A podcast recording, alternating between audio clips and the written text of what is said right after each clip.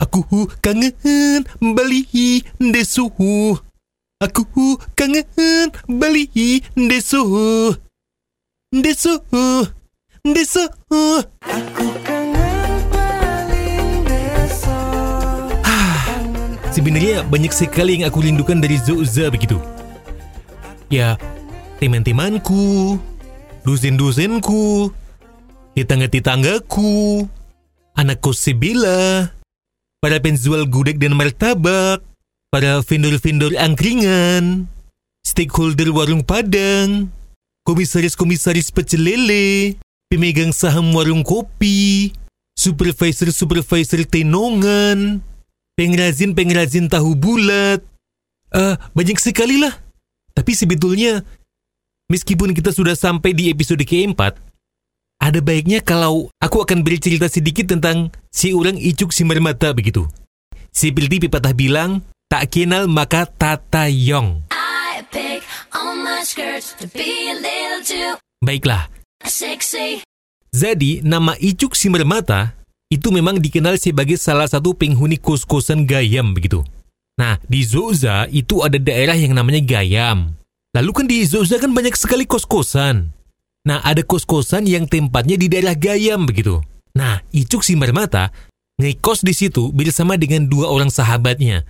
Namanya adalah Brahmana Danu dan eh Prawiro Taman. Eh, aduh typo Brahmana Danu dan Parwoto Sardi begitu. Bisa dibilang kami bertiga ini adalah mahasiswa-mahasiswa yang cukup senior di kampus. Karena sejak pertama kali kampus itu dibangun, kami bertiga melakukan seremonial peletakan batu pertama begitu. Dan kenapa sampai sekarang kami masih berkuliah di situ? Oh iya, eh, nama kampusnya adalah Universitas Negeri Swasta Mandiri. Nah, kenapa kami masih berkuliah di situ? Ya karena menjadi mahasiswa belajar, menjadi sivitas akademika itu adalah sebuah passion. Kalau teman-teman kami yang S1 itu hanya lulus 4 tahun. Huh, kami begitu passionnya akan selalu menuntut ilmu begitu. Kami tidak mau dibatasi hanya dengan 4 tahun. Kalau di 3, 3 tahun. Nah, kembali lagi ke kos-kosan kami. Bapak kos kami, namanya Kosna ini, itu menyediakan tempat kos yang sangat-sangat sophisticated begitu. Masing-masing kamarnya luasnya 2 kali 2 meter. Kita akan bedah kamar sekarang. Nah, sebenarnya keseharian kami di kos-kosan Gayam ini tidak ada yang spesial sih. Ya, dengan kehidupan glamor kami masing-masing sih. Oke, sekarang kita akan bedah kamar. Yang pertama kamar dari Brahmana Danu. Dia kan dari Jakarta, anak orang kaya begitu. Di dalam kamarnya, fasilitasnya tuh banyak sekali teman-teman. Seperti piano, kolam renang, security, kamar mandi dalam, PS4, kitchen set, garasi untuk motor besarnya. Komplit lah. Nah, kalau Parwoto Sardi, dia adalah seseorang yang dari Klaten.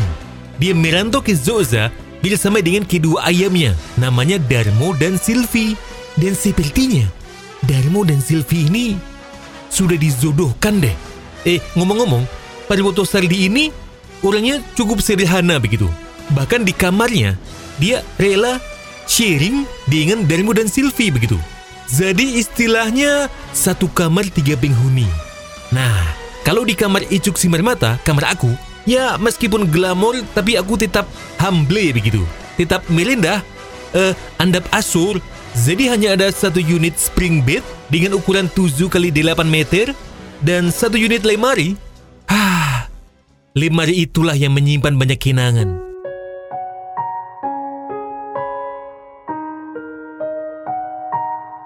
Karena aku adalah orang yang sangat-sangat menjunjung sejarah begitu. Buku-buku zaman SD aku simpan. Mainan-mainan zaman TK aku simpan. Karena kan kita harus menghargai sejarah dan juga momen-momen terindah begitu. Misalnya, saat study tour SD, Mama memberikan bekal adalah rolade dan tahu bakso waktu itu. Itu masih aku simpan sampai sekarang.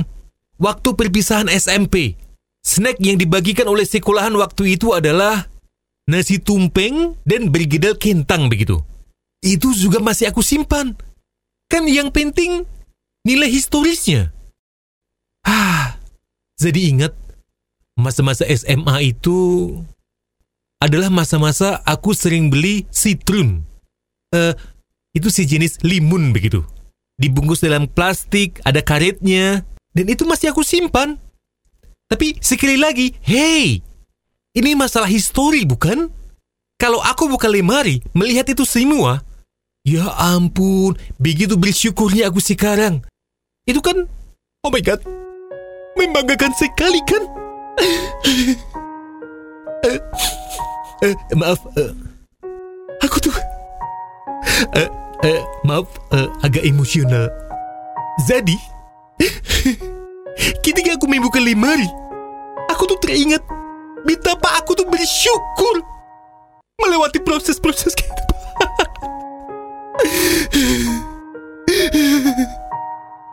aku ingat masa SD. Aku ingat masa SD.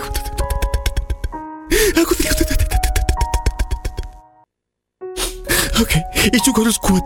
Icu harus kuat. Kalau aku melihat rolade-rolade itu, sitrun-sitrun itu, aku jadi teringat masa-masa aku pendaftaran P4.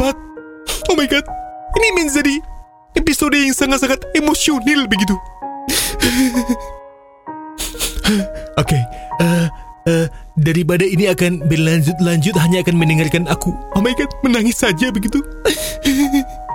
Baiklah, mungkin aku akan menenangkan diri dulu teman-teman. Kita bertemu di episode selanjutnya. Nah, sudah selesai episode ini.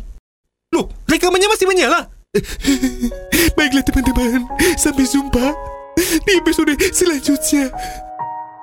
Jroning rasa